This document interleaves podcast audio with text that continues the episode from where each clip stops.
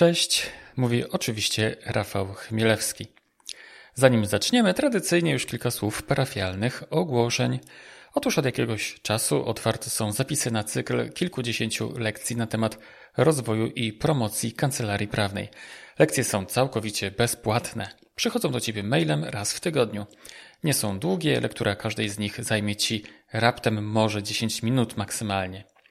Dowiesz się z nich wielu interesujących rzeczy, na przykład na temat budowy kultury organizacyjnej, alternatywnych sposobów promocji kancelarii, dlaczego warto tworzyć e-booki, dlaczego warto pisać książki papierowe oraz w jaki sposób to robić, jak prowadzić e-mail marketing, co zrobić z Instagramem, jak komunikować się z ludźmi, po co komu specjalizacja itd. Tak Pomocnych tematów jest naprawdę całe mnóstwo. Obecnie z owych lekcji korzysta już ponad 1330 prawników, zatem gorąco Cię zachęcam. Wydaje mi się, że warto dołączyć właśnie do tego grona. Zapis na kurs Mała Wielka Kancelaria znajdziesz na stronie maławielkakancelaria.pl. Oczywiście bez polskich znaków, jeszcze raz powtórzę, maławielkakancelaria.pl.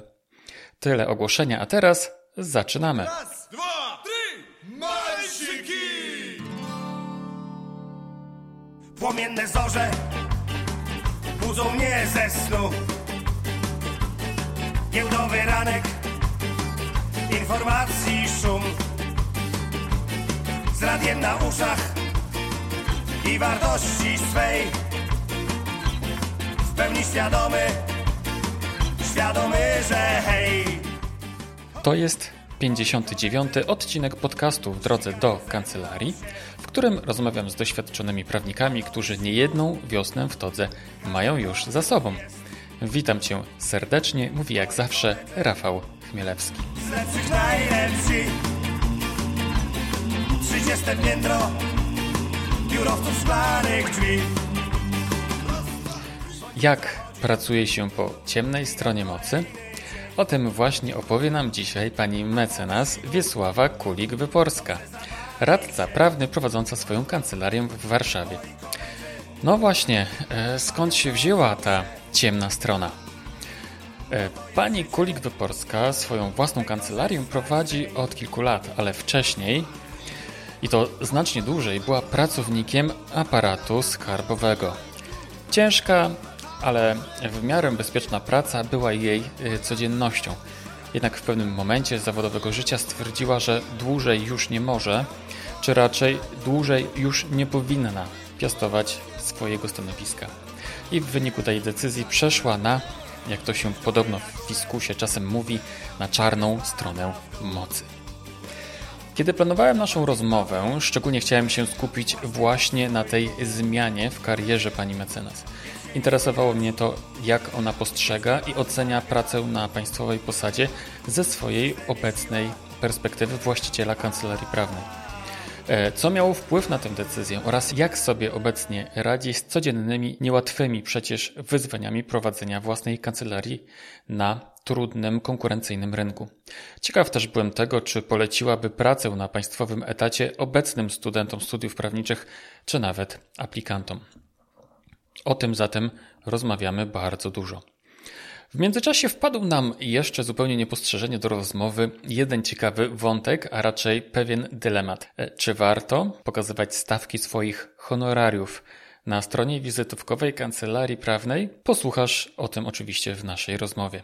Poza tym rozmawiamy też o tym, o czym rozmawiam zazwyczaj ze swoimi gośćmi, a więc o promocji kancelarii prawnej, o poleceniach, o obsłudze klienta, czy warto się w czymś specjalizować oraz innymi o tym, w czym tkwi źródło sukcesu kancelarii prawnej. Ale zanim ta rozmowa wejdzie na e, kanał, e, wcześniej rzecz jasna Kasia Solga w cyklu Poprawnik Kasi. Tym razem Katarzyna opowiada o tym, uwaga, uwaga, jak wyceniać swoje usługi. Myślę, że to jest temat dość interesujący dla każdego z nas. A zatem najpierw poprawnik i Kasia Solga, a następnie pani mecenas Wiesława Kulik-Wyporska. A zanim zaczniemy, dodam tylko, że ten odcinek podcastu w drodze do kancelarii jest z dumą wspierany przez Weblex Bookkeeping, oferujący zdecydowanie najwygodniejszą księgowość prawniczą na tej ziemi. Jedziemy!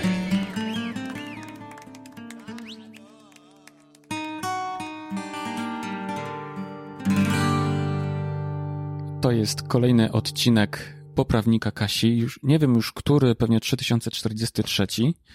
E, dzisiaj będzie o Dzisiaj, Rafał, będzie o tym, jak wyceniać swoje usługi. O, bardzo ciekawy bardzo, temat. E, bardzo tak naprawdę krótko chcę o tym powiedzieć, e, bo długie treści w tej sprawie można znaleźć w innych źródłach. E, jest na przykład cały webinar mój na temat wyceny swoich usług i tam przedstawiam narzędzie, czyli kalkulator do wyceny swojej podstawowej stawki godzinowej i też w tej chwili uzupełniłam ten kalkulator o podobne narzędzie dla zespołów, czyli wyceniania swojej pracy, pracy swojego zespołu i też y, przygotowałam tam taki szablon wyceny zlecenia. Natomiast te wszystkie narzędzia, one bazują tak naprawdę na dwóch rzeczach na znajomości bardzo dobrze kosztów prowadzenia swojej kancelarii, na znajomości bardzo dobrze kosztów swojego życia albo tego, ile my chcemy na tym biznesie zarobić, tak, bo to są mhm. dwa warunki, i na znajomości tego, ile mi zajmuje praca nad danym zleceniem. Tak. Dopóki tych rzeczy sobie nie wyliczymy, to wróżymy. Po prostu strzelamy, tak? Wróżymy. Okay. I o ile przy wycenie konkretnego zlecenia takie podejście jest fajne, może nawet zalecane, bo mogę sobie powiedzieć, wycenić tyle, ile chcę. Tak. I to działa często. Jest to często nawet lepszy sposób wyceny niż wycena oparta na kosztach, bo wycena mhm. oparta na kosztach nas bardzo ogranicza, tak? Czyli my tutaj na, nakładamy sobie, sobie pewien pułap, z którego ciężko wyskoczyć, więc czasami podejście od strony takiej, a ile ja bym chciał dostać, albo jaki może być budżet klienta, do wyceny konkretnego zlecenia może być lepsze, może być ciekawe. Natomiast i tak finalnie my będziemy wyceniać źle, jeśli nie będziemy znali tych E, podstawowych swoich kosztów, jeśli nie będziemy wiedzieli, ile nam zajmuje praca tak. nad e, jakąś sprawą. I jak tutaj się tych rzeczy dowiedzieć? No koszty po prostu trzeba policzyć, a jeśli chodzi o to, ile nam zajmuje praca nad daną sprawą, nad danym typem spraw, to tak naprawdę jedyna forma, która pozwoli z czasem przybliżyć się nam do doskonałości, to jest mierzenie swojego czasu pracy. I tu nie ma innego rozwiązania, mhm. dlatego że wszelkie inne rzeczy to będą zawsze tylko przybliżenia, to będzie coś, co nam się wydaje, bo ja owszem, w tym kalkulatorze tam na przykład proponuję ogólne obliczenie, ile czasu my możemy poświęcić na pracę z uwzględnieniem dni wolnych w roku, świąt, godzin, które pracujemy. Jest to jakieś przybliżenie, ale tak. dopóki my nie zaczniemy realnie rejestrować, ile czasu poświęcamy na poszczególne czynności, dopóty nie nauczymy się wyceniać. I jeśli chodzi o wycenę, ja oczywiście polecam, do, o, jeśli chodzi o rejestrację czasu pracy, ja oczywiście polecam wszelkiego rodzaju systemy do prowadzenia kancelarii, które mają e, w sobie wbudowane tego typu narzędzia, czyli narzędzia, w którym po czasie mówimy tyle i tyle mi to zajęło, tak? Czyli takie e, notatniki czynności mają też e, najczęściej takie zegary, które możemy sobie uruchomić i badać mhm. Y, ile dane zlecenie nam zajęło. Natomiast są też narzędzia w internecie, typu na przykład Toggle, tak, znany, czy inne narzędzia, mhm. które po prostu pozwalają nam zacząć ten czas pracy rejestrować. Ja to mhm. bardzo polecam. Uważam, że, że po prostu jeśli chcemy poważnie podchodzić tutaj do, y, do zagadnień wyceny i najzwyczajniej w świecie zarabiać w swoim biznesie, trzeba się tego nauczyć, tak? Tutaj, tutaj mhm. nie ma innego y, rozwiązania. Mhm. A powiedz jeszcze, gdzie ten webinar, o którym wspomniałaś na początku, można znaleźć? Podlinkujemy, Rafał, dobrze? Tak? Tak, tak podlinkujemy. Dobra, to wszystko? To wszystko. To powiedz jeszcze, Kasiu, co będzie w następnym odcinku. W następnym odcinku będziemy rozmawiać o kosztach podatkowych w kancelarii, tak? O. Co może być kosztem, czy co nie do końca może być kosztem, okay. a dlaczego jednak może, no tak I sobie. o co się warto pokłócić z księgową, a tak. o co jednak nie warto się kłócić. tak, No dobrze, dokładnie. Kasiu, dziękuję bardzo. To do usłyszenia, Rafał. To tyle. Kasia Solga, autorka bloga Jak prowadzić kancelarię oraz facebookowego profilu o tej samej e, nazwie. Sam jestem ciekaw, e, jakie wnioski wyciągnęłaś bądź wyciągnąłeś z tego krótkiego odcinka na temat wyceniania e, swoich usług. Zapraszam Cię teraz do mojej rozmowy z panią mecenas Wiesławą Kulik-Wyporską.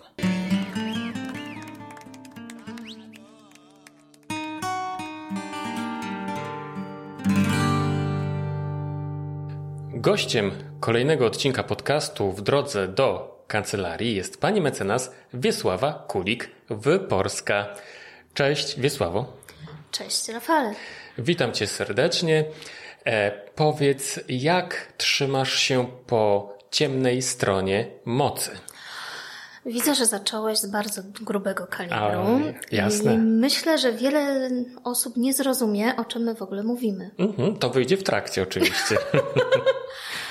Chyba, że teraz E, o tym porozmawiamy. Poczekajmy na odpowiedni moment, niech e, emocje, wiesz, troszkę urosną. E, Ale powiedz właśnie, jak czujesz się teraz w tym momencie, w jakim jesteś, ponieważ przeszłaś przemianę na swojej drodze zawodowej? Czy była to przemiana według ciebie na plus? No myślę, że tak. Na pewno. E, Bardzo mi się podoba to, że w tym miejscu, w którym jestem, jestem sterem, żeglarzem i okrętem. I tak naprawdę większość rzeczy ode mnie zależy. Mhm. E, Tytuł zawodowy? Radca prawny Od ilu lat jesteś radcą prawnym? od czterech, więc niedługo. Mhm. No, nie wiem, czy tak niedługo. No ale okej, ale w swoim zawodzie e, pracujesz jak długo? Od 2008 roku, Czyli 12 lat. 12 lat. Okej. A gdzie prowadzisz swoją kancelarię? Na warszawskiej Pradze, w Mhm. okolicy Parku Praskiego, który właśnie widzimy przez okno. Mhm. Mm, Niedługo będą się liście czerwienić, brązowić, żółknąć. Pewnie jest tutaj ładny widok z okna. Od wiosny do jesieni jest bosko, a w zimą Jak napada bardzo śniegu. depresyjnie. Ale jak napada śniegu, to jest To lepiej. Jest bosko również. Niestety śnieg nie chce z nami współpracować od kilku lat. A, niestety właśnie. Dzisiaj jest piątek, gdy dzisiaj jest strajk klimatyczny. Greta Thunberg już któryś tam ponad setny tydzień, e, Wstyd piątek się już. przyznać, ale zupełnie zapomniałam o tej okoliczności.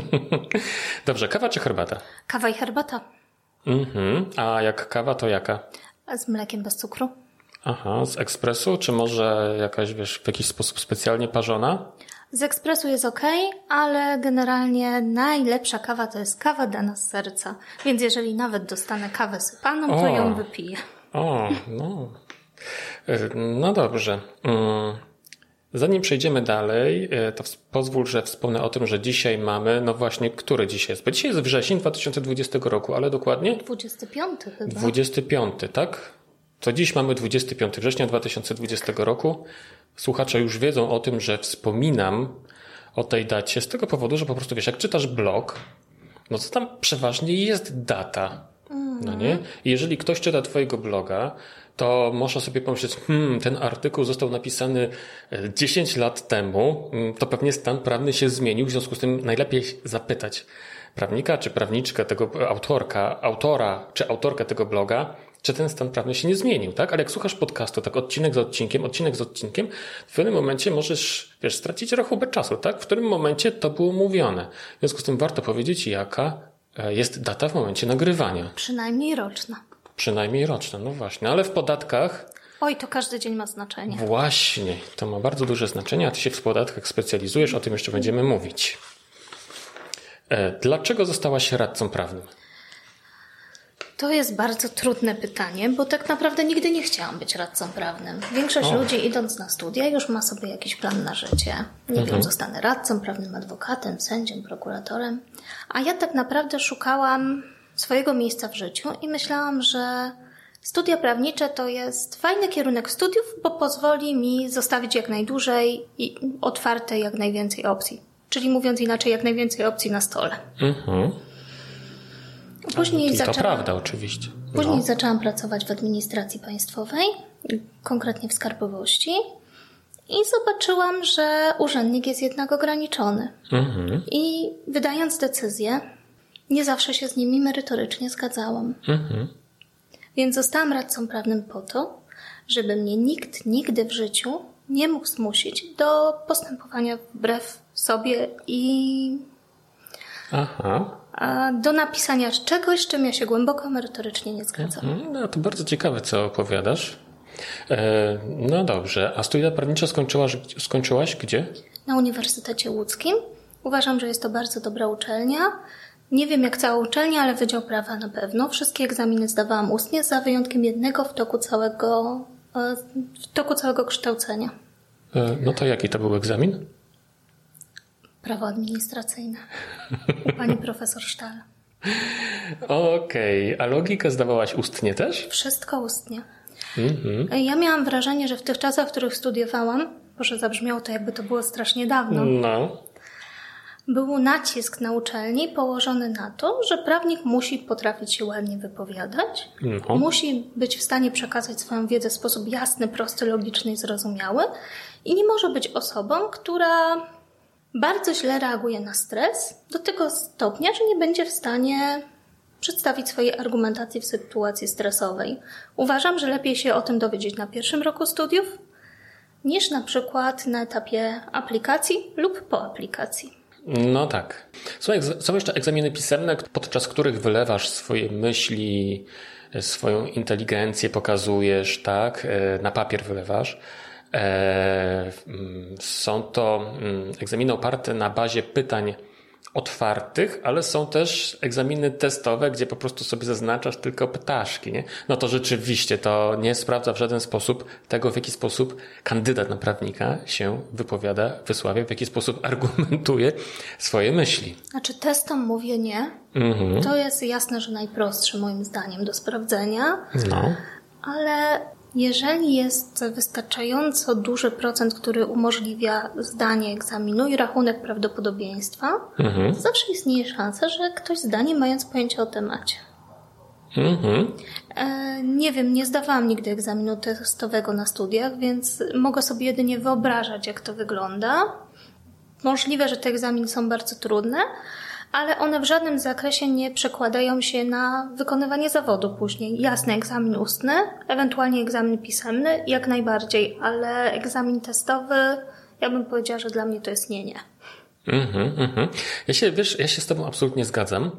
Natomiast muszę ci powiedzieć, ja tutaj studia kończyłem tutaj w Warszawie za Wisłą i egzamin z logiki był egzaminem testowym wielokrotnego wyboru. I większość osób w pierwszym terminie ten egzamin oblewała. Naprawdę był trudny. Znaczy u nas e, na Uniwersytecie Łódzkim mieliśmy egzaminy, pis mieliśmy pisemnie em, do czynienia z logiką na etapie zaliczania ćwiczeń. Mhm. Okej. No dobrze, a co skłoniło ciebie do przeprowadzki do Warszawy? Miłość. A, czyli sprawy sercowe, czyli zwraca- wracamy do tej kawy znowu, z sercem Wracamy podawanej. do tej Kawy, dokładnie. A w czym się specjalizujesz jako radca prawny? Nietypowo znowu, No. ponieważ jestem nie pies, nie wydra, coś na kształt świdra. No. Specjalizuję się w prawie administracyjnym, które jest po macoszemu traktowane przez większość prawników. Mhm, to ja zgadza się się. w sumie nie dziwię, bo kiedy studiowałam, tak się zastanawiałam, co może kryć się w sercu człowieka, który pozycjonuje się adminem. No. No i teraz już wiem. Mhm. A później jeszcze doszło do tego prawo podatkowe, Mhm.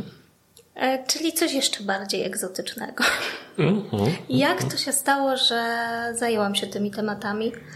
Po prostu zaczęłam to robić jako urzędnik, a że jestem osobą, która drąży, zadaje pytania, musi doczytać i nie zadawala się pierwszą odpowiedzią, zaczęłam wiedzieć coraz więcej, czytać coraz więcej, rozmawiać coraz więcej, bo nawet taka głupia rozmowa na kawie pozwala czasami odkryć nowe horyzonty. Mhm.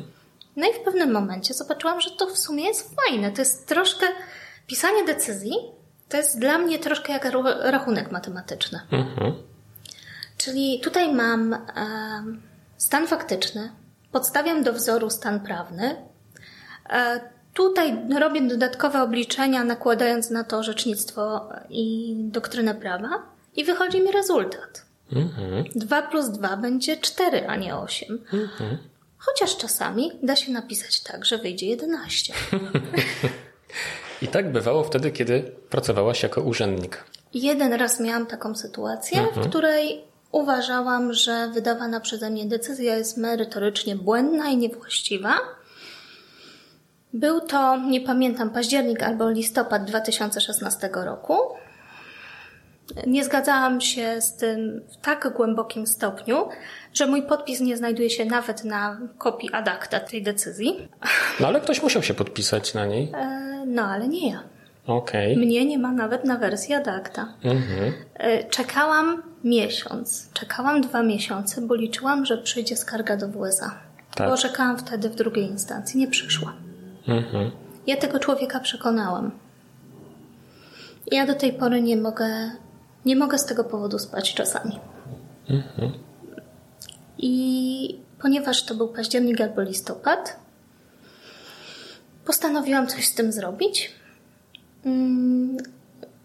Ponieważ już wykonywałam zawód dość długo, przystąpiłam do egzaminu radcowskiego i w marcu go zdałam, a w czerwcu miałam ślubowanie. Szes- 2016 roku, więc to musiał być 2015 rok. Aha, czyli w zasadzie konieczność wydania takiej decyzji, z którą się e, głęboko nie zgadzałaś, między innymi spowodowała to, że postanowiłaś zmienić pracę, To zawód, był- karierę. To był mój jedyny powód, dla którego ja postanowiłam to zrobić. Ja się absolutnie nie zgadzam na wykonywanie pracy, w której muszę zrobić coś, co moim zdaniem nie jest właściwe. I na szczęście, jako radca prawny, mogę swobodnie, po pierwsze, dobierać swoich klientów, bo ja nie muszę reprezentować każdej osoby na tym świecie. Nie muszę brać każdej sprawy, po prostu to, to jest dla mnie duża ulga. Druga rzecz jest taka, że mam swobodę w dobieraniu argumentacji. Mhm. A że jestem osobą, która umie grzebać, to tutaj się pochwalę ostatnim sukcesem. Tak. Jedna z moich klientek em, jest w toku postępowania w związku z nieujawnionymi źródłami, Boże, jak to zabrzmiało, nie, nieujawnionymi źródłami przychodów. Mhm. Ma pieniądze jak najbardziej uczciwie, Mhm. ponieważ jej tato w głębokich latach 90. zmarł w wypadku mm, i generalnie rzecz ujmując, dostała z tego tytułu bardzo wysokie odszkodowanie. Tyle tylko, że to były to był początek lat 90. Nikt już tego nie trzyma. Nikt nie trzyma tych dokumentów. Aha. Jej mama się wielokrotnie przeprowadzała. Kiedy to miało miejsce, ona była małym dzieckiem. Aha. No i urząd uznał, że pani ma nieujawnione źródła przychodu i podatek 75%. No właśnie, ten podatek od tych nieujawnionych źródeł jest kolosalny. 75%. On się nie zmienił od tylu lat, nie zmienił się, nie, tak? nie. E, No i w tym momencie wiedziałam od klientki, że podobno w jakiejś gazecie był artykuł związany z tym, z tą wypłatą, bo to była dość duża wypłata, jakieś szczególne warunki, więc generalnie rzecz ujmując, tak długo szukaliśmy, aż go znaleźliśmy Mhm. w bibliotece sejmowej. Mhm. Więc Mhm. I to wystarczy jako dowód? nie wiem, czy wystarczy, ale na pewno uprawdopodobnia zeznania mojej klientki. Jasne. E, czy, to powiedz mi, bo tak wiesz, ja się też kiedyś zajmowałem podatkami, nie? Mam Powiedz, się bać? nie no, na egzamin tu nie przyszedłem. Poza tym myślę, że egzaminować to raczej ty byś mnie mogła niż ja ciebie. E, ale powiedz mi, Wiesławo, e, czy mm, nie przedawnia się ten e, podatek, tak jak zwykłe zobowiązanie podatkowe? To zależy. Bo teraz tak naprawdę my nie wiemy, kiedy był ten nieujawniony przychód. Ach, no tak, jest nieujawniony, tak, w związku z tym nie wiadomo kiedy był. Tak, znaczy z punktu widzenia Urzędu Owszem, Skarbowego. e, Można by było powiedzieć, że to była jakaś darowizna i wtedy by się płaciło podatek od darowizn w wysokości sankcyjnej. Można by było, e, nie wiem, wskazywać na jakieś inne nieopodatkowane rzeczy, które rzeczywiście miały miejsce i wtedy ten podatek do zapłacenia plus odsetki wykluczałby ten podatek Tak. w związku z nieujawnionymi źródłami. No ale w, kurczę, no ja mam zboczenie skarbowe. Ja lubię reprezentować uczciwych podatników, jakkolwiek by to nie, nie zabrzmiało. No, okej.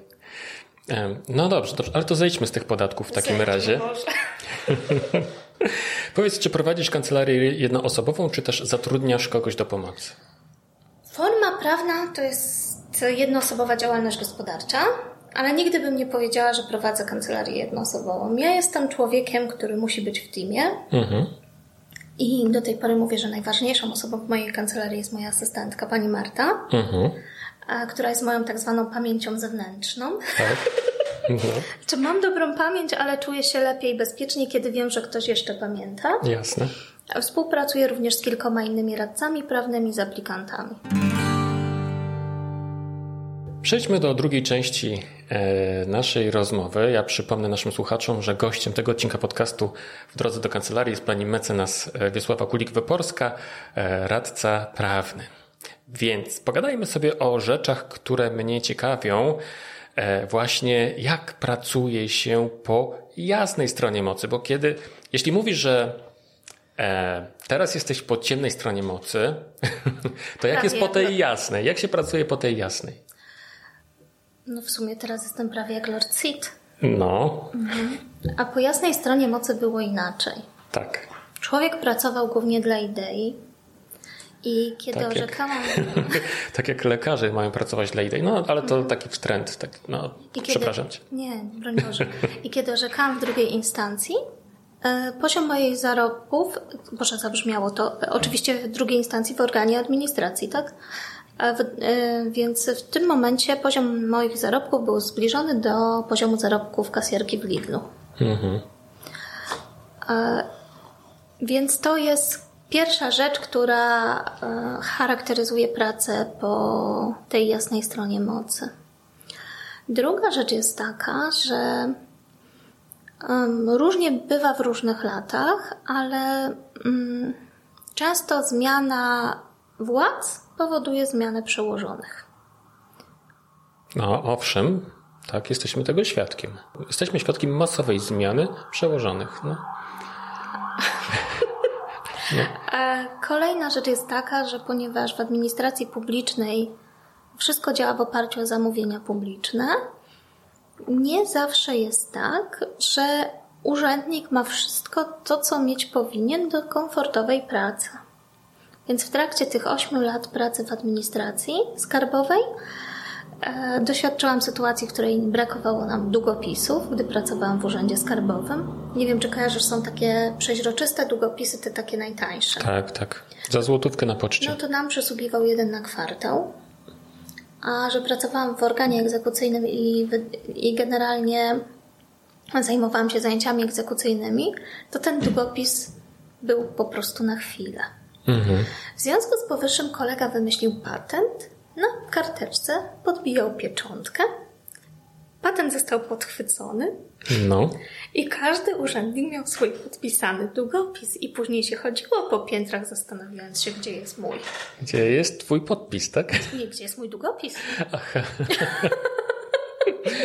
Okej. Okay. Po jasnej stronie mocy zdarzało mi się na przykład przynosić, dźwigać e, papier z piwnicy na, na trzecie czy czwarte piętro. Mhm. A zdarzało się, że pod koniec roku zostawało już mało papieru mhm. i każdy trzymał swój papier do swoich decyzji. Mhm. Szkoła życia po prostu. To była szkoła życia, tak. Natomiast bardzo dużo się tam można nauczyć. Mm, zwłaszcza jeżeli ktoś lubi pogłębiać swoją wiedzę w jakimś określonym kierunku. Mhm. I to też jest bardzo ważne i ja bym nie była w tym miejscu, w którym jestem, gdyby nie moi przełożeni ze skarbowości. Mhm. Uważam, że to, że zdałam egzamin radcowski e, tak po prostu, tak. E, bez aplikacji, wynika głównie z tego, że Wcześniej pracowałam przy wydawaniu orzeczeń administracyjnych. Mhm. W związku z tym, tak jak Ciebie słucham, to wydaje mi się, że e, w urzędach czy w tej strukturze skarbowej pracuje e, mnóstwo bardzo kompetentnych ludzi, e, notorycznie niewynagradzanych w odpowiedni sposób za pracę, jaką wykonują. Tak, dlatego to się na ogół kończy w tym momencie, że ci ludzie odchodzą. A teraz będzie jeszcze gorzej. Bo to wygląda tak, przycho- tak jak ja, przychodzi ktoś do urzędu skarbowego pracować, czy do izby skarbowej, no ale można tu podstawić dowolny tak, urząd. Tak. Bardzo mu zależy na ogół w pierwszej pracy. Chce się jak najwięcej nauczyć, chce się jak najwięcej wykazać. Tak. Jest coraz lepszy, coraz lepszy, coraz lepszy. Jedni odchodzą po roku, drudzy po dwóch, trzeci po trzech, a część po prostu zostaje, bo ma fajnych kolegów blisko do domu, tak. bo zaciekawił ich temat. Tak. W administracji skarbowej tak naprawdę przez pierwszy rok pracy, to, po pierwszym roku to ty masz dopiero jakieś mniej więcej pojęcie, czym ty się zajmujesz. Mhm. część z tych ludzi zostaje z różnych powodów. Niektórzy, bo chcą mieć pewność, że będą pracować, bo to, to jest taka umowa społeczna. My robimy ciężką robotę, państwo nas kiepsko wynagradza, Mhm. Ale jeżeli przyjdzie kryzys i będzie źle na rynku, państwo nas obroni, tak, Tak. jakby. Tak. No i teraz w tych przepisach covidowych, no myślę tak. Wielu dobrych fachowców, którzy pracują w administracji skarbowej z uwagi na tą pewność, zrozumie, że praca dla państwa nie, nie daje żadnej większej pewności niż praca dla jakiegoś zwykłego przedsiębiorcy, Mhm. a zwykły przedsiębiorca zwykle lepiej płaci. Mhm. Też jest kwestia szacunku. Kiedy pracowałam w organach skarbowych, nie raz, nie dwa, od drzwi ktoś na mnie krzyczał. Nie raz, nie dwa przychodzili do mnie ludzie z płaczem. E, nie raz, nie dwa, jak człowiek miał tą zimną kawę czy herbatę na biurku, e, to słyszał na ten temat komentarze. A e, idąc tak naprawdę, przechodząc tak naprawdę na ciemną stronę mocy, człowiek nagle doznaje szoku, że jego praca jest ceniona, że jego praca jest warta, Mhm. że to nie jest zbrodnia wypić sobie kawę Mhm. w godzinach pracy. Mhm. No mogłabym na ten temat mówić i mówić. Następne pytanie mam takie, jakie widzisz różnice w pracy na państwowym etacie, a na swoim? No i właśnie odpowiedziałaś na to pytanie. Nie? A czy jeszcze widzę dodatkowe rzeczy? No. Bo mówiłam o minusach skarbowości, ale mogę powiedzieć teraz o jej plusach. No, właśnie. Jaka ta pensja by nie była, ona zawsze jest odpowiedniego dnia na koncie.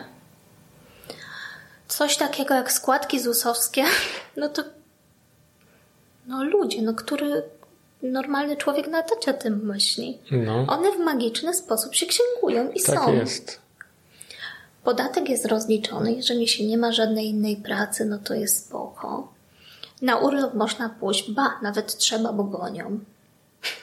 No tak. Jako przedsiębiorca to już inaczej do tego podchodzisz, no nie? No jako do większego luksusu. E, Słuchaj, no właśnie, ale czy nie masz czasami właśnie takich, mm, takich przemyśleń, że kurczę, może mogłam zostać, zacisnąć zęby i mimo tych wszystkich przeciwności, które mnie tam spotykały e, i dzięki plusom, których też doświadczałam, mogę, może jednak mogłam zostać.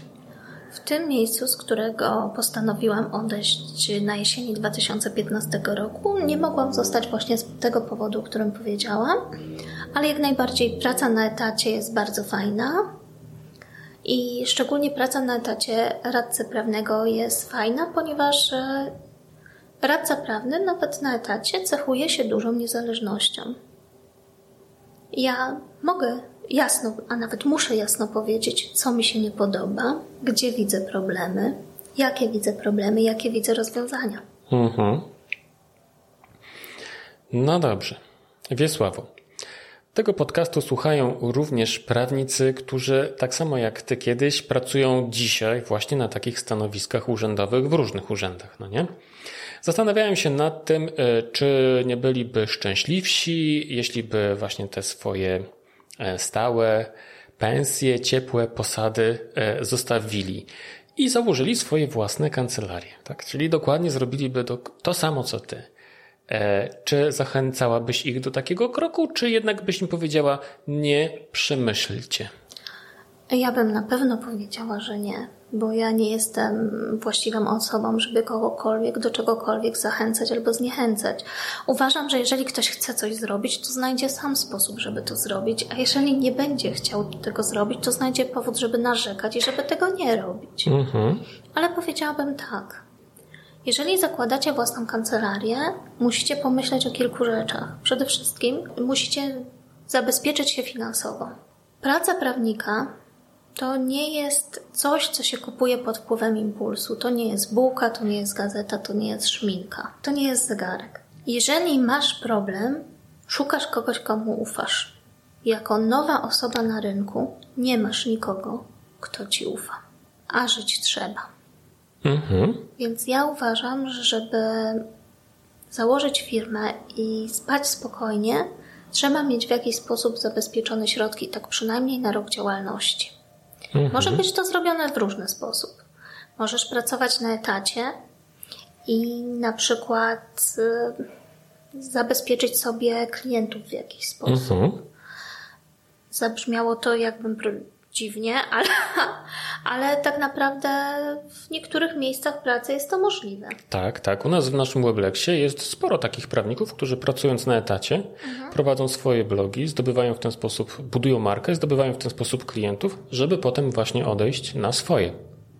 Więc jest to możliwe. Druga opcja to jest małżonek, współmałżonka, którzy zarabiają lepiej i którzy są w stanie przez ten na przykład rok przejąć potencjalnie nawet wszystkie, ale mhm. trzeba, trzeba wziąć pod uwagę czarny scenariusz mhm. lub nawet większość kosztów życia. Tak.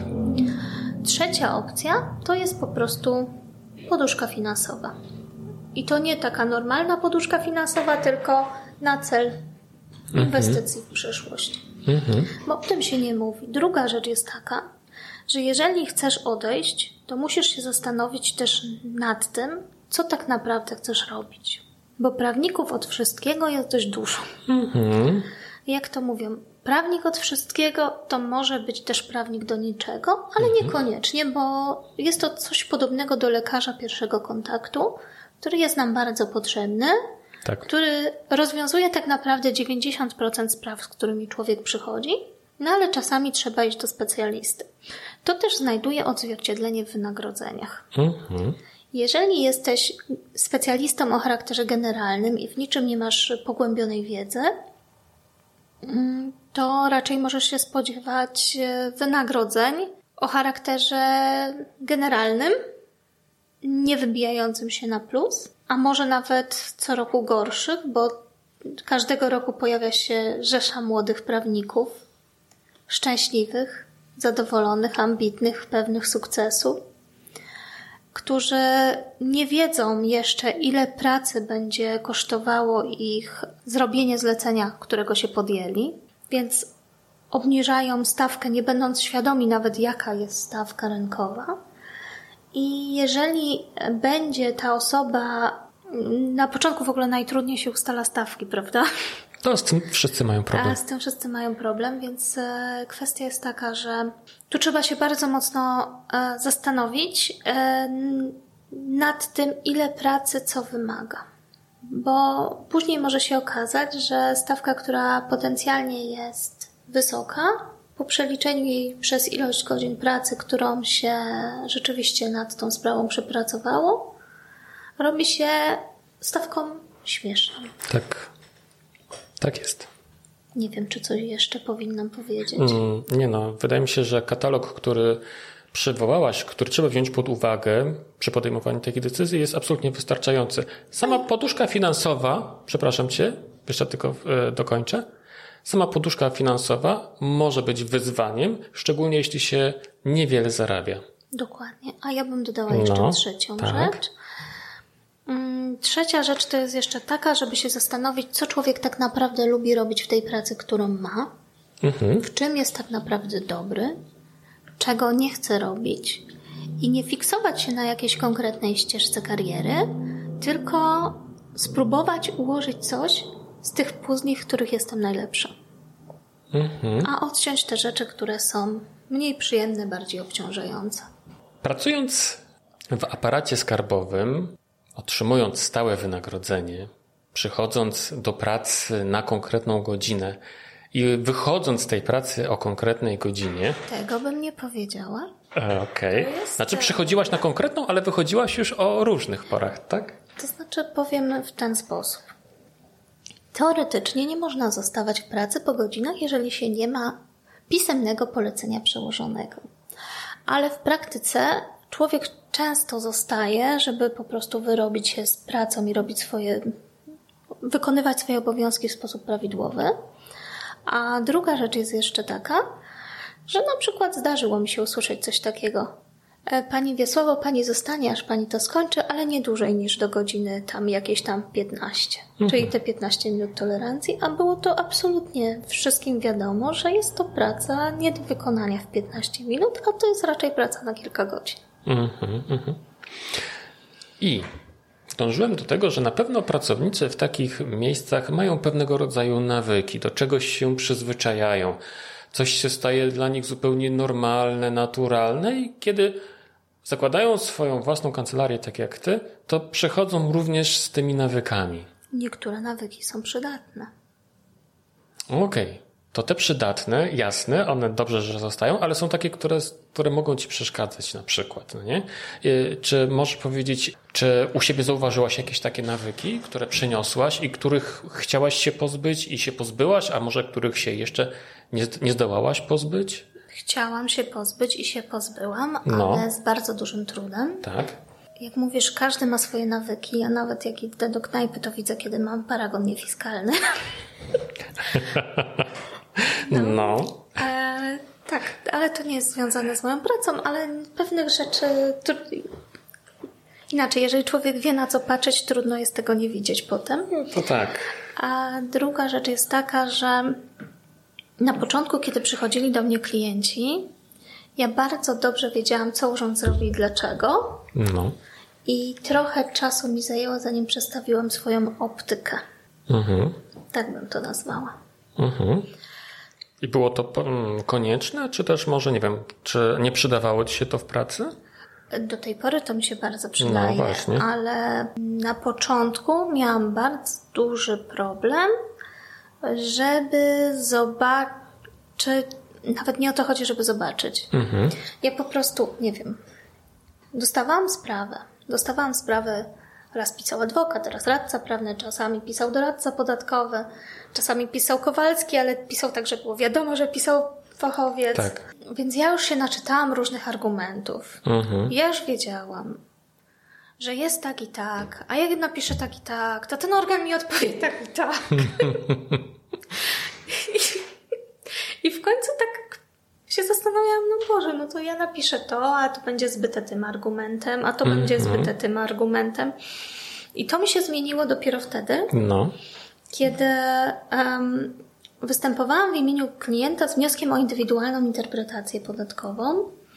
E, klient sprzedał nieruchomość przed upływem pięciu lat i żeby nie płacić podatku, chciał um, przeznaczyć cele na własne środki, na własne, e, środki na własne cele mieszkaniowe. I wyglądało to mniej więcej w ten sposób, że napisałam wniosek o indywidualną interpretację no i stwierdziłam, że hmm, na pewno się nie uda. No. To się uda dopiero w sądzie, mhm. jeżeli w ogóle. Więc pozwoliłam sobie, to było na samym początku prowadzenia działalności, pozwoliłam sobie na e, taką dużą e, swobodę w argumentowaniu, wykraczającą poza taki klasyczny kanon. Bo tutaj muszę powiedzieć, że moim zdaniem prawo to jest nic innego jak tylko umiejętność dobrania odpowiednich argumentów w odpowiednim czasie. To ładna definicja prawa. Dziękuję. E, no i generalnie udało mi się przekonać e, fiskusa, że mój klient własne cele mieszkaniowe może spełniać jednocześnie w trzech zakupionych przez siebie nieruchomościach. Mhm. Mało tego, jak przeglądałam indywidualną interpretację podatkową, znalazłam tam informację, że odstępuje się od uzasadnienia z uwagi na fakt, że stanowisko przedstawione przez pełnomocnika jest w 100% prawidłowe. Mhm. Więc powiem tak, z jednej strony e, było to dla mnie duże obciążenie, żeby przeskoczyć tą optykę urzędową, bo ja zobaczyłam tą sprawę i powiedziałam, nie ma szans. Tak. Na, pe na pewno nie jeżeli, spróbujmy interpretację, bo jak nie, to w urzędzie na pewno nie przejdzie. Mhm. W izbie to małe szanse. Mhm. No może w sądzie, ale też cinko cinko. Mhm. I to spowodowało, że zrozumiałaś, I, to... iż jednak twoje dość, twój nawyk patrzenia jednak z okiem urzędnika państwowego jednak przydaje ci się w pracy bardzo. Tak, przydaje się, bo to, zauważyłam, że to nie jest tak, że tylko ja wiem, co oni mi odpowiedzą, ale ponieważ ja już wiem, co oni mi odpowiedzą, to ja już wiem, co im odpowiedzieć na to, co mi odpowiedzą, więc od razu to piszę w pierwszym piśmie. No, to wiesz, to jest y, umiejętność sprzedawcy, tak? Żeby, wiesz, tak pokazać ofertę, żeby zanim jeszcze ten klient wypowie swoje wątpliwości i pytania, to żeby już na nie odpowiedzieć. A tu ja się pochwalę, jeżeli no. chodzi o sprzedawcę. Tak, tak A moja rodzina, rodzina mojego taty, już od kilkuset lat mieszka w mojej rodzinnej miejscowości. I O. od średniowiecza jesteśmy rodziną mieszczańską. I pierwszą, To, to tutaj nie widzą nasi słuchacze, ale robię wielkie oczy w tym czasie. No. i e, tak naprawdę pierwszą transakcję handlową zawarłam, nie posiadając nawet ograniczonej zdolności do czynności prawnych. Brawo. Brawo. Więc ja bym powiedziała, pewne rzeczy ma się we krwi. No ale Wiesowa, ale czekaj, poczekaj, czekaj, bo mówisz od średniowiecza. Prowadzisz czy też badasz e, losy swoich, swoich przodków? Tak, e, mi to przychodzi dość łatwo, No, ponieważ pewne rzeczy idą z krwią, jak to się mówi. no. E, Do pięciu, po, sześciu pokoleń wstecz nie musiałam nawet wychodzić z domu, żeby wiedzieć, w oparciu o akty notarialne. O, czyli Na po zasadzie, prostu... że sta przede mną notariuszem takim, takim stawił się obywatel ziemi żareckiej Walenty Wyporskiej z żoną jego urodzoną Marianną z domu Kukicha. O, i to był który rok? 1800? To akurat jest akt z 900 roku, ale Mhm. starsze też mamy. Tylko gorzej, że starsze to jestem z takiego regionu Polski, który bywał w różnych zaborach, a Mhm. w rosyjskim nam się tak podobało, że byliśmy dwa razy. Mhm. Więc te akty notarialne bywają w różnych językach. Mhm. A Cyrylica jest naprawdę upierdliwa Mhm. i trochę trwało, zanim znalazłam kogoś, kto byłby mi w stanie to pomóc przetłumaczyć. Mhm. Fantastyczne, ale wróćmy może do naszych czasów. Na pewno masz znajomych, kolegów, Jak każdy. przyjaciółki, e, które poznałaś, z którymi się zaprzyjaźniłaś, e, pracując e, jeszcze w, administracji skarbowej. Czy te twoje przyjaźnie tamtejsze utrzymujesz nadal? Ja nie jestem osobą, która się łatwo przyjaźni, ale jestem osobą, która się łatwo koleguje. Mhm. Ja mam bardzo dużo kolegów. e, Mało tego, w jakiekolwiek nie środowisko nie wejdę, czy gdzie się nie pojawię, zawsze znajdę kogoś, z kim jestem w stanie miło porozmawiać. Mhm. No ale relacje są różne. Te płytsze relacje też szybciej się zacierają, kiedy człowiek zmienia miejsce pracy. Mhm. To tak jak ze znaj- to tak jak z znajomymi ze szkoły podstawowej, szkoły średniej, ze studiów. Mhm. Ilu ich było w ciągu naszego życia, z iloma trzymamy kontakt? No ja trzymam kontakt z dwoma osobami Mhm. i żeby było śmiesznie, one obydwie ze mną współpracują zawodowo. Ale one nadal pełnią swoje funkcje, tak? E, W miejscu, w którym wcześniej się Obydwie poznaliście. mają zgodę. Jedna współpracuje ze mną, z, jedna współpracuje ze mną w zakresie upadłości, a druga współpracuje ze mną e, w zakresie podatku od nieruchomości, czyli nie ma tutaj żadnej kolizji, jeżeli chodzi o interesy. Okej. To teraz porozmawiajmy sobie o drużynie Fiskusa, jak ona postrzega przedsiębiorców. To już tylko wyjaśnię, bo kiedy w roku 2007, e, pracując jeszcze w KPMG, założyłem blok podatkowy, e, to aparat skarbowy, czy pracowników aparatu skarbowego e, traktowałem, czy opisywałem, czy nazywałem jako po prostu wiesz, drużyna Fiskusa. Nie? To tak troszkę z drużyną pierścienia mi się zawsze kojarzyło. Więc jak drużyna Fiskusa postrzega przedsiębiorców? Powiedz. Czyli bym powiedziała, że to zależy, bo tutaj bym musiała dokonać niesprawiedliwej generalizacji. Tak, generalizacji. Musiałabym dokonać niesprawiedliwej generalizacji. Okej. Ale powie... spróbuję powiedzieć to innymi słowami, wspinając się na szczyt moich znikomych umiejętności dyplomatycznych. Zdrać tę tajemnicę. Wyobraź sobie, że siedzisz w jakimś kawałku prawa przez 5, 10, 15 lat. No. Tak naprawdę w oparciu o decyzje, które ty wydajesz, kształtują się linie orzecznicze. Bo przecież jest skarga na twoją decyzję, prawda? No. No to musisz e, napisać odpowiedź na skargę, Tak. śledzisz to, jeżeli jest konieczność pisania kasacji, to piszesz wniosek o kasację. Tak. Te wyroki do ciebie przychodzą, musisz je realizować. E, Tak. Wydajesz kolejne decyzje, piszesz postanowienia, ale przecież jest tutaj coś, czego nie wiesz. Więc szukasz, pytasz. Jedni patrzą i ograniczają się do leksa i legalisa. Nie siedzą w centralnej bazie orzeczeń. Szukają tego jednego orzeczenia, Cholera, które jak detektywi, właściwe. normalnie. Zaczyna mi się to podobać. Jak detektywi. Ale to też nie wszyscy, no bo różni ludzie, ludzie są różni. Okej. E, I powiedzmy, starasz się wykonać swoją robotę dobrze. 15 lat, albo nawet 5, zgłam- zgłębiasz jedną dziedzinę. I kogo tak naprawdę najczęściej spotykasz na swojej drodze? Czy spotykasz uczciwych podatników, którzy płacą swoje podatki w terminie? E, No ja bym powiedział, że tak.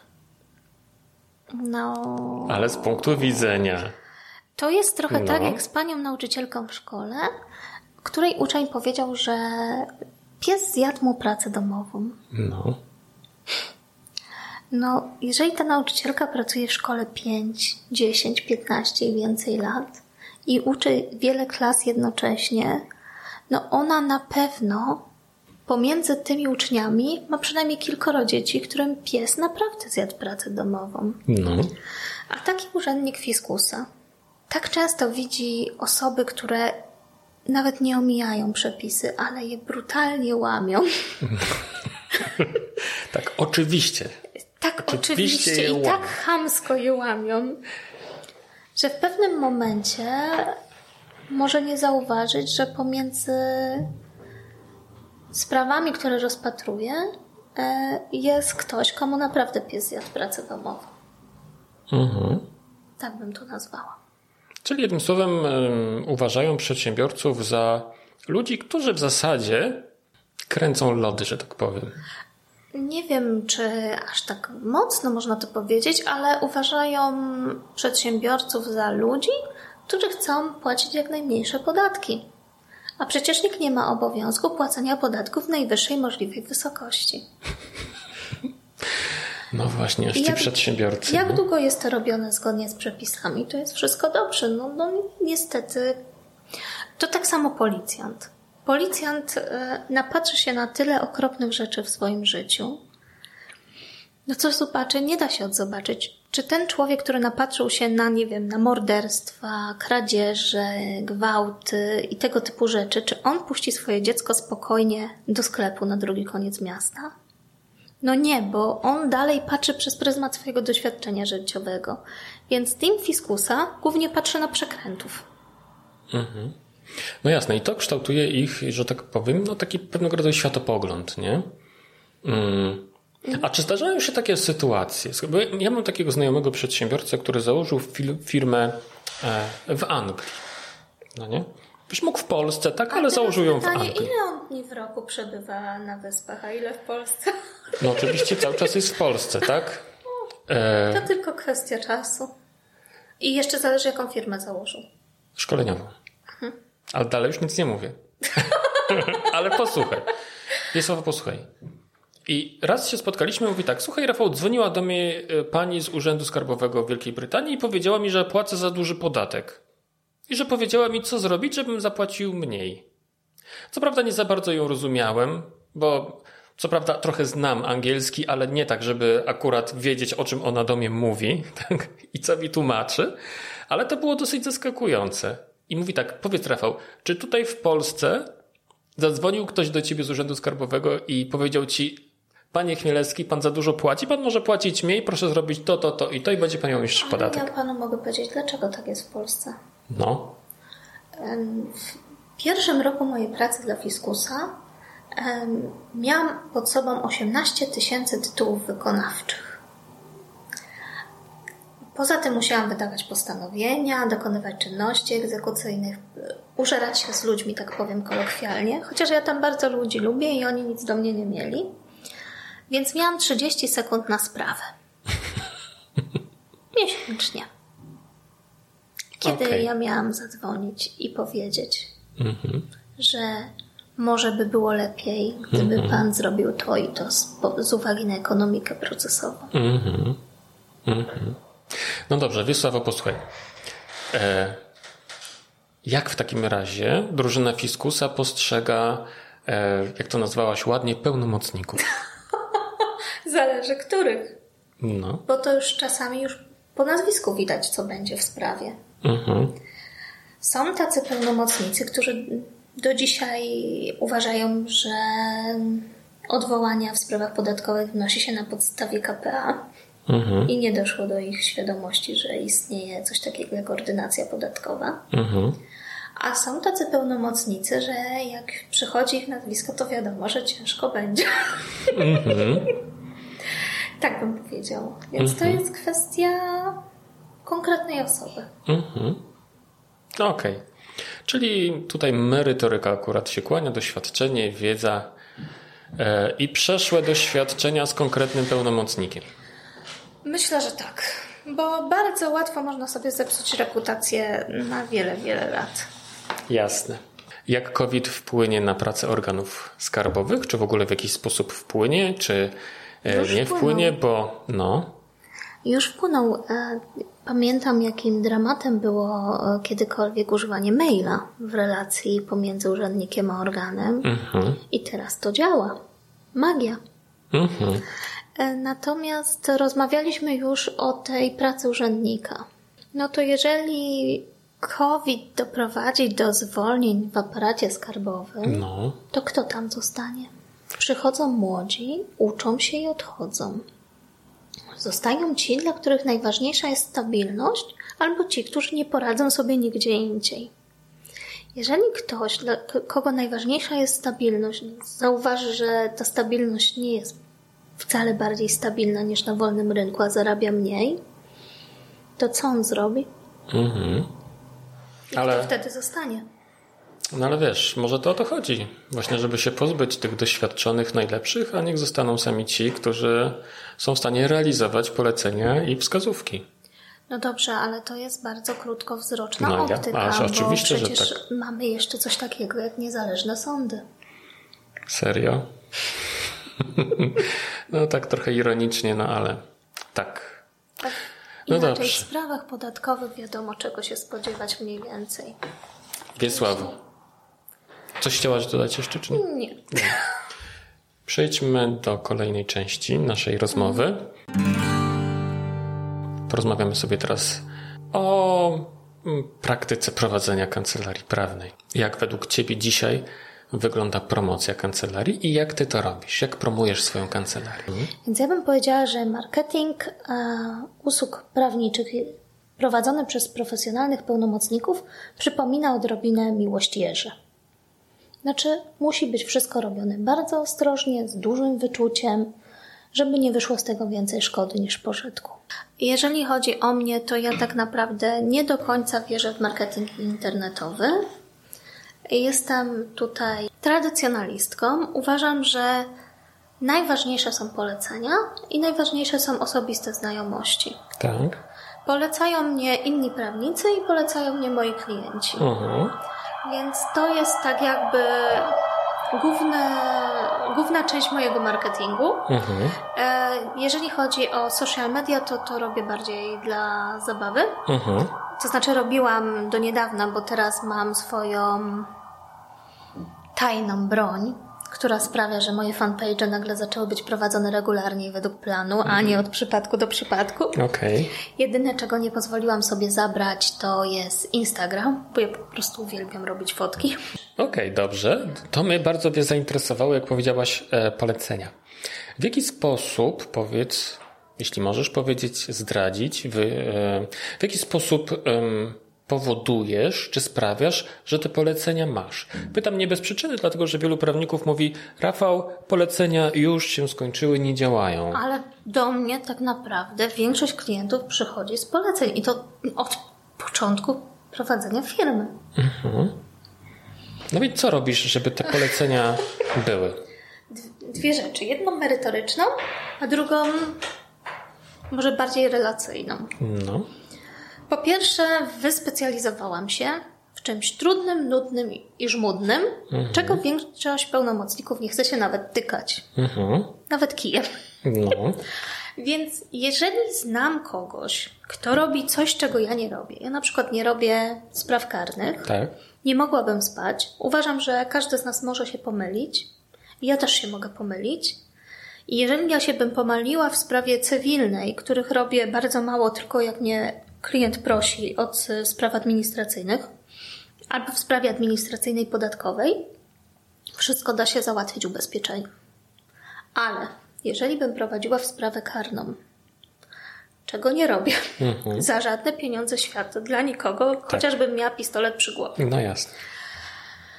I bym się pomyliła, to żadne pieniądze świata tego nie wyprostują i nie załatwią. Mhm. Więc mając klienta, który do mnie przychodzi i mówi: Pani Wieziu, ja potrzebuję reprezentacji w sprawie karnej, co ja zrobię? Szybko zacznę myśleć, kogo ja znam, kto jest dobrym fachowcem i robi sprawy karne. Mhm. To jest normalne.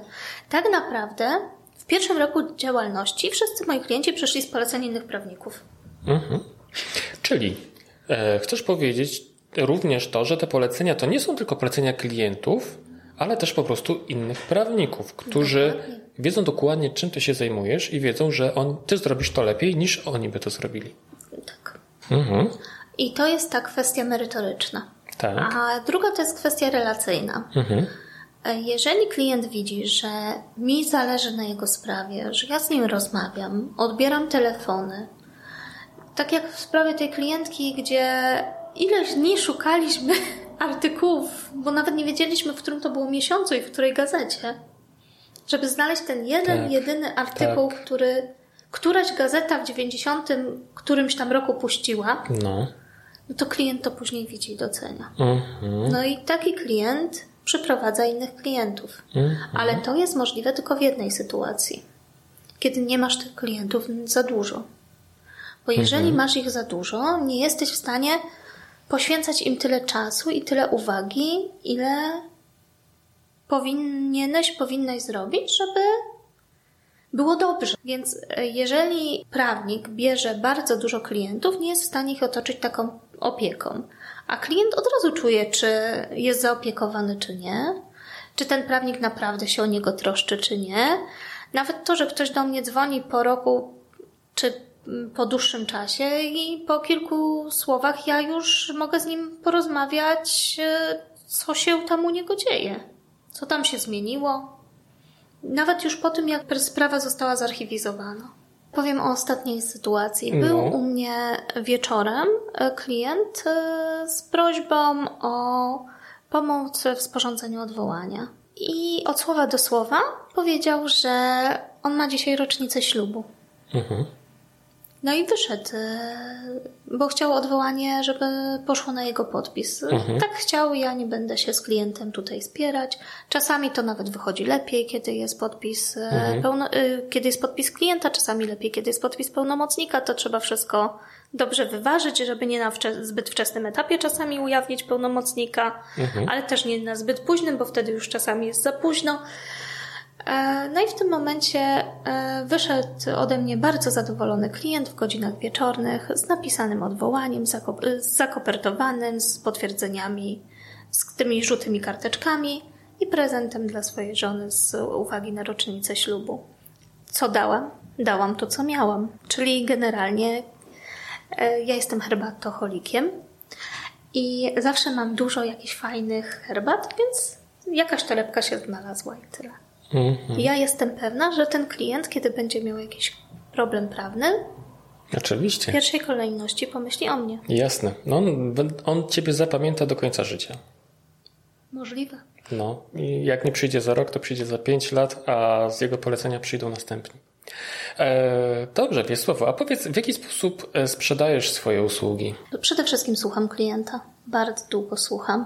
Tak. Ja mu bardzo rzadko przerywam, tylko wtedy, kiedy już e, schodzi na zupełnie nie, niewłaściwe mhm. rejony. Tak. Jestem troszkę jak doktor House. Mhm. Uważam, że każdy klient kłamie. Mhm. I klient nawet jak mówi mi prawdę, to on i tak kłamie. Mhm. I to nie wynika ze złej woli klienta, bo mhm. oczywiście każdy chce być postrzegany w sposób najlepszy z możliwych, ale mhm. bardziej wynika to z tego, że on nie ma świadomości, co jest ważne, a co jest nieważne. Mhm. I żeby klient powiedział mi prawdę, to ja muszę dać czas, przestrzeń i miejsce, w którym on się będzie czuł dobrze, mhm. w którym to wszystko z niego spadnie. Tak. I zacznie opowiadać w takim flow. Tak. I wtedy ja go będę mogła tak delikatnie dopytać o te ważne szczegóły, że on się nie poczuje jak na przesłaniu. Mhm. I to jest też ważne. Mhm, mhm, mhm.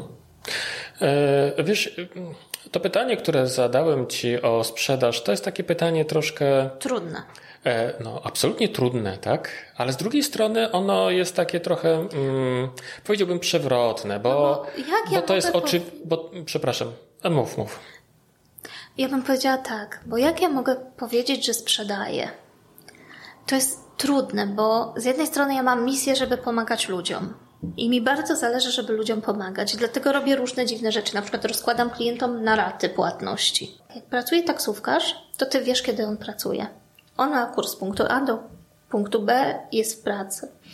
Kiedy patrzysz na przykład na masażystę, wiesz, kiedy masażysta pracuje. Mhm. A kiedy przychodzisz do prawnika, rozmawiasz z nim godzinę i myślisz sobie, Boże, ile on ode mnie wziął. A nie wiesz, że on na przykład grzebie nad twoją sprawą dwa tygodnie i jeszcze mu pomaga ze dwóch aplikantów. Mhm. Więc y, to jest trudna granica, bo troszkę myślę, że lekarzom jest łatwiej, bo to jest sprzedaż czegoś niematerialnego, czego klient nie jest w stanie w żadnej mierze wycenić, bo kancelarii dobrych i wystarczająco dobrych na rynku jest bardzo dużo i klient nie jest w stanie rozróżnić, moim zdaniem, no tak. która z tych kancelarii jest naprawdę dobra, a która tylko tak wygląda. Tak. Bo jest po prostu kancelarią przyzwoitą. Tak, tak. I tutaj w grę właśnie wchodzi promocja i marketing, ponieważ za, pomo za pomocą tych narzędzi możesz właśnie pokazać, uświadomić klienta, chodź do mnie. E, z tym, że ja rozumiem przez promocję również obsługę klienta, mhm. czyli wszystko to, co robisz, ty w doskonały sposób. Nie to, w jaki sposób rozmawiasz z klientami, że ich słuchasz, że rozłożysz im na ratę, pójdziesz im na rękę, mhm. nie? że dasz im prezent. Mhm. E, I takie różne rzeczy. Dla mnie to też jest jakby nie było, to jest promocja tak naprawdę, znaczy, nie? To jest to podejście. To, to, to jest coś, co wychodzi ze mnie i z tego, jaką jestem osobą. I wracamy do tej kawy z sercem właśnie w tym momencie. Dokładnie. No dobrze. Mm. Powiedz, e, Wiesławo, e, jaką masz radę dla początkujących kancelarii i początkujących prawników? Iść na kurs sprzedażowy. Strasznie trudno sprzedaje się usługi prawne. Bo to jest tak, jeżeli na przykład stoi rolnik i ma kilo ziemniaków, to nikt nie powie daj mi. A czemu mi masz, mam ci dać? Bo masz. No. A ty jako prawnik sprzedajesz usługę, której nie ma, której efekt jest przyszły i niepewny. I jeżeli ty nie masz wewnętrznego przekonania odnośnie wartości twojej usługi, to jak to przekonanie ma mieć twój klient? Mhm. Więc ja bym powiedziała na dzień dobry, solidny kurs sprzedażowy. Mhm. Może to trochę zabrzmiało jak herezja. Ale chyba nie ma takich kursów. Ale to niekoniecznie musi być kurs sprzedażowy dla prawnika. Wystarczy poszukać jakiegoś kursu sprzedażowego, który dotyczy usług niematerialnych. Druga rzecz idzie taka. Zanim powiesz jakąkolwiek kwotę, musisz się dokładnie zastanowić, ile ty tak naprawdę czasu na to poświęcisz. Mhm. Często, zwłaszcza na początku, przeceniamy nasze możliwości. No, nie ma tak, że zrobisz coś w 5 minut. Owszem, czasami się zdarza coś na 5 minut, ale ja na przykład jak mam klienta, z którym współpracuję i wpada mi coś do zrobienia na pół godziny, to ja mu czasami w zasadzie przeważnie mu w ogóle tego nie liczę, bo i tak uważam, że w ramach naszej współpracy od czasu do czasu mogę dla klienta zrobić coś miłego. No ale nie za każdym razem. Mhm. Po prostu pożyć z czegoś trzeba. Tak. No i tutaj jest kolejna rzecz. Jeżeli dobrze nie przemyślisz, ile ci coś zajmie, to może się okazać, że na godzinę wyjdzie ci ile? 5 zł, 10 zł. Mhm. Będziesz zarabiać poniżej stawki minimalnej. Mhm. I jeżeli będziesz miał więcej takich spraw, może się okazać, że klient, który raz się przyzwyczai do tego, że pracujesz za miskę ryżu, mhm. będzie od tego od ciebie oczekiwał zawsze. Jeżeli będziesz miał więcej spraw za małe pieniądze, będziesz musiał brać więcej spraw, żeby chociażby zapłacić rachunki. Jeżeli będziesz brał więcej spraw, będziesz musiał jeszcze więcej pracować i pewnego dnia zaczniesz się mylić. Mhm.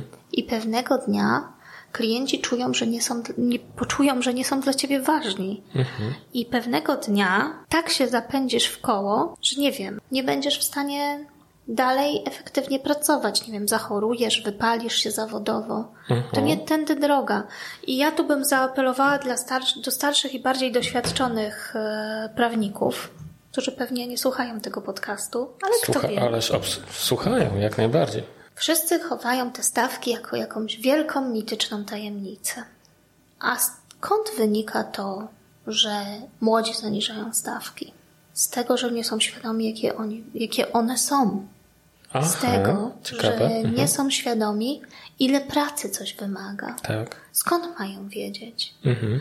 Owszem, ci, którzy pracowali w trakcie apl- aplikacji w kancelariach, mieli szansę coś podpatrzeć, mieli szansę coś usłyszeć od swoich pracodawców albo patronów, ale też nie każdy się dzieli taką wiedzą. Mhm.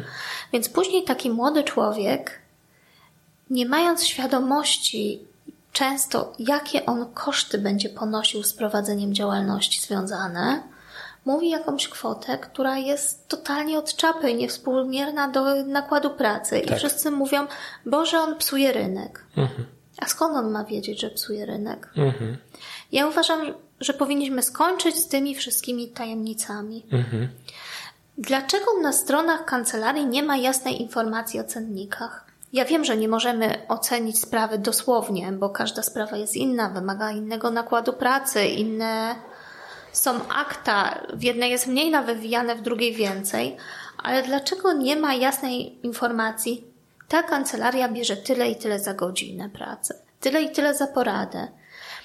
E, Kiedy ja na swojej stronie kancelarii e, umieściłam coś takiego jak cennik e, minimalny, Tak. Wynika, zawierający kwoty wynikające z rozporządzeń, to wywołało to bardzo duży szok wśród moich znajomych. A ja się pytam, dlaczego? Przecież to jest coś, co każdy klient powinien wiedzieć. Tak. Każdy chce wiedzieć, nie wiem, idąc do lekarza, czy stać go na wizytę. Tak samo jak przed laty kupowaliśmy mieszkanie z mężem. Bardzo mnie denerwowało, że na stronie deweloperów nie było informacji, ile kosztuje to mieszkanie, które mi się podoba. Mhm. Ja rozumiem, że praca prawnika to nie jest dokładnie jeden do jeden, jak worek kartofli, ale dlaczego nie dać jakiś widełek? Nie wiem, że moja godzina pracy kosztuje powiedzmy od 100 do 300 zł w zależności od okoliczności. Tak. Dajmy naszym klientom cokolwiek, żeby się mogli złapać. Dziwimy się, że klienci nie idą do prawnika, bo jedni nie idą, bo myślą, że ich nie stać, a ich stać. Tak jest. Godzina pracy prawnika jest tańsza niż godzina pracy fryzjerki. Tak jest. Masz rację. Wiesz co? y, Wielokrotnie, jak polecam prawników z naszej grupy, swoim znajomym, którzy mi mówią, Rafał, Rafał, ty to jesteś prawnikiem, to ty na pewno mi pomożesz, nie? A ja im zawsze mówię, ja nie jestem żadnym prawnikiem i ci nie pomogę, tak? Pójdź do pani tej i tej, czy do pana tego i tego. Y, I zawsze, zawsze im mówię tak, słuchaj, nie wiem ile kosztuje usługa, ale nie bój się skontaktować i na pewno ta usługa nie jest tak droga, że ci na nią nie stać, no nie? I zawsze to, zawsze to podkreślam, ale teraz właśnie sobie zdałem z tego sprawę, że to właśnie wynika z tego, o czym ty mówisz, że zwyczajnie po prostu nie wiadomo, jakie są stawki, że klienci o tym nie wiedzą, jakie są stawki. A być może częściej by przychodzili do prawników, gdyby pomyśleć sobie, kurczę, no rzeczywiście, tak, stać mnie na to, żeby za godzinę pracy, wizyty w kancelarii zapłacić stówę, dwie stówy, czy tam trzy, tak? I to nie są kwoty nie do przeskoczenia. No jasne. No powiedzmy 200-300 zł jak na warunki warszawskie, to zgodnie z moją wiedzą większość kancelarii w, w takich pieniądzach udzieli godzinnej porady. Jasne. Znaczy nie dam sobie ręki uciąć, jej, ale, bo też nie znam wszystkich kancelarii, ale te kancelarie, z którymi znam i współpracuję, to mniej więcej pracują w oparciu o takie stawki. To nie jest kwota jakaś nie do przeskoczenia. Ale wiesz co, jeszcze tak sobie myślę, że te kwoty też wpływają na to, będą wpływały na to, że niektórzy klienci właśnie pomyśl, zobaczą, ta kancelaria bierze, nie wiem, 50, tak? Ta bierze 100, wolę pójść do tej, która bierze 100, tak?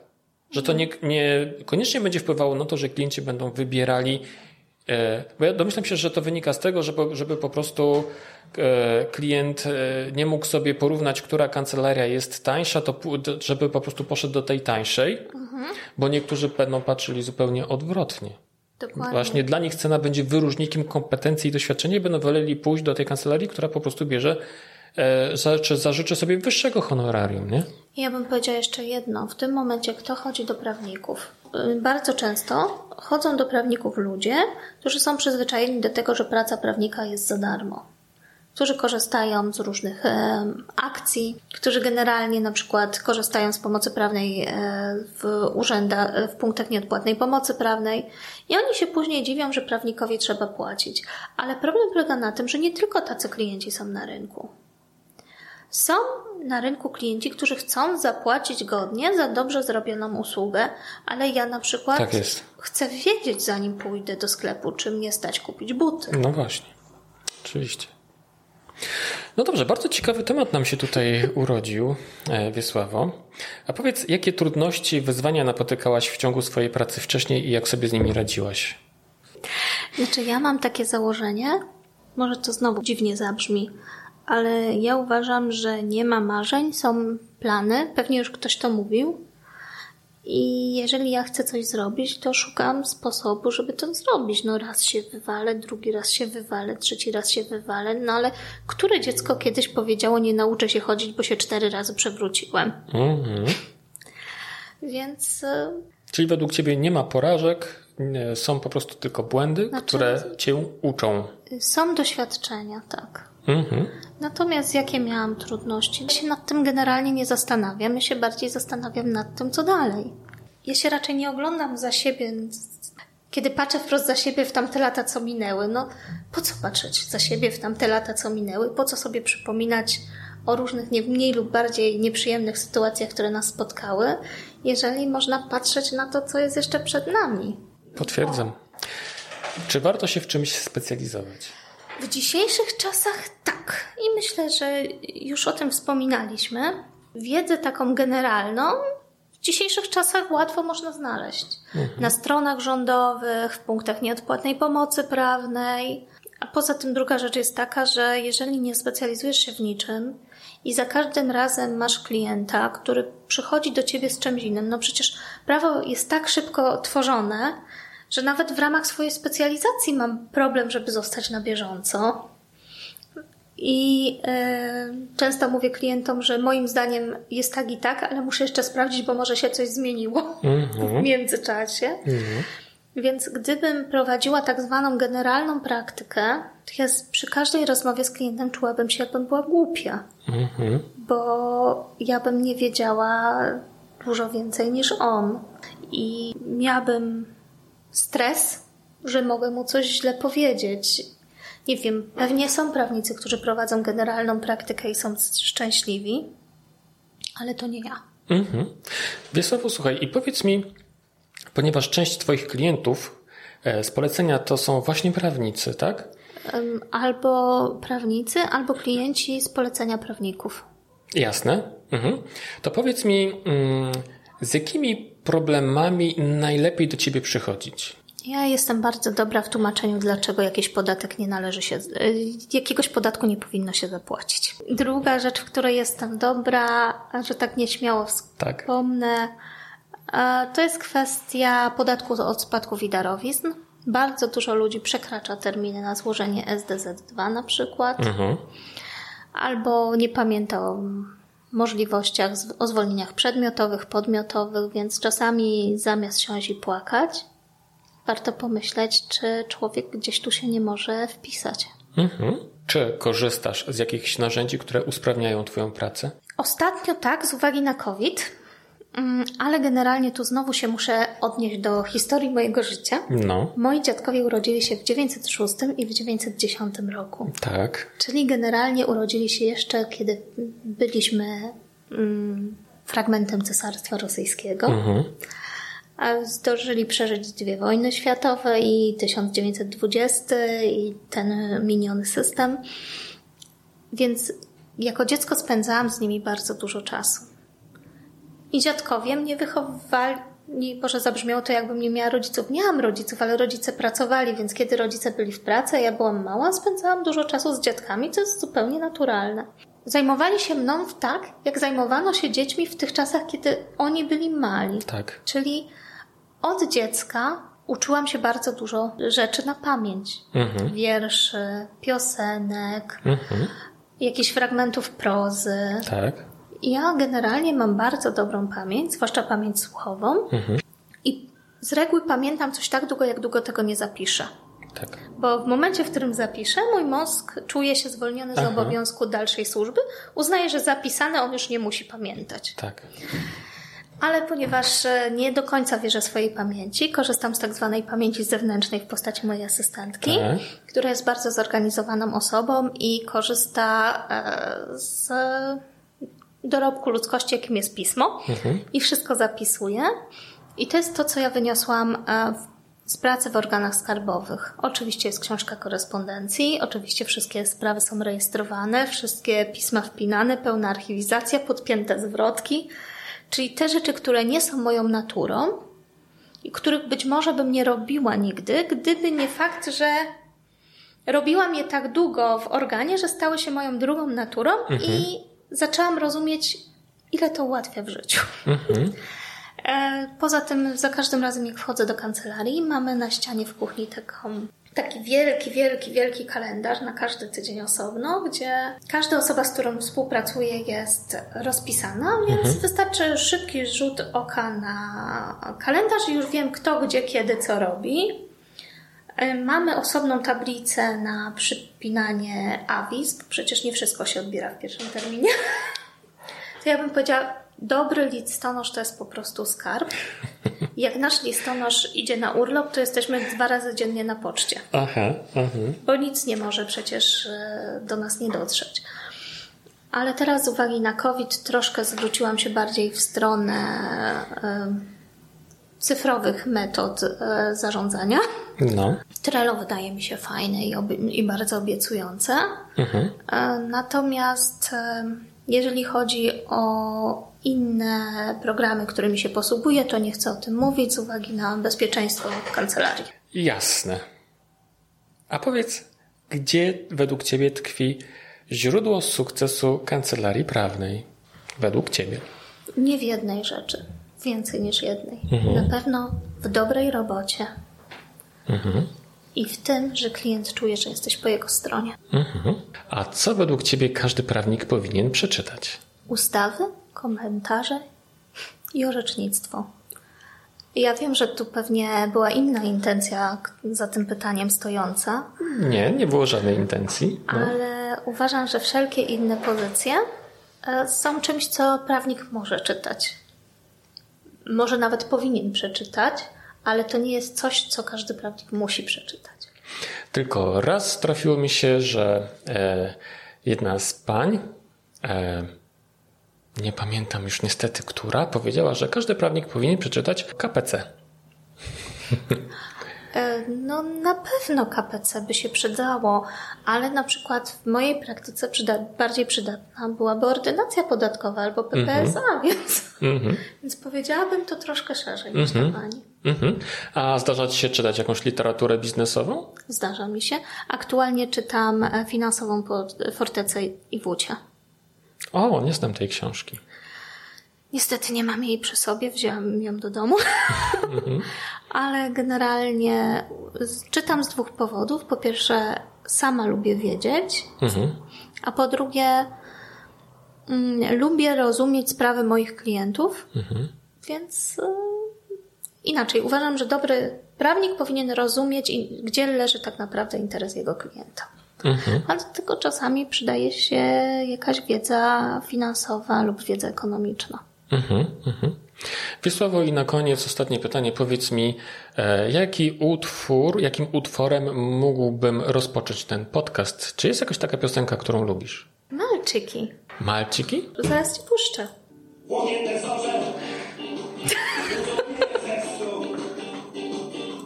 To każdy zna. To jest świetna piosenka z przesłaniem. Wiesławo, bardzo serdecznie dziękuję Ci za naszą rozmowę. A ja bardzo dziękuję za to, że mogłam również porozmawiać. E, dziękuję Ci bardzo. Ja przypomnę, że gościem tego odcinka podcastu w drodze do kancelarii była pani mecenas Wiesława Kulik-Wyporska, e, radca prawny prowadząca swoją kancelarię w Warszawie. Dziękuję Ci jeszcze raz. Dziękuję. Płomienne zorze budzą mnie ze snu. Kiełda Nowy ranek.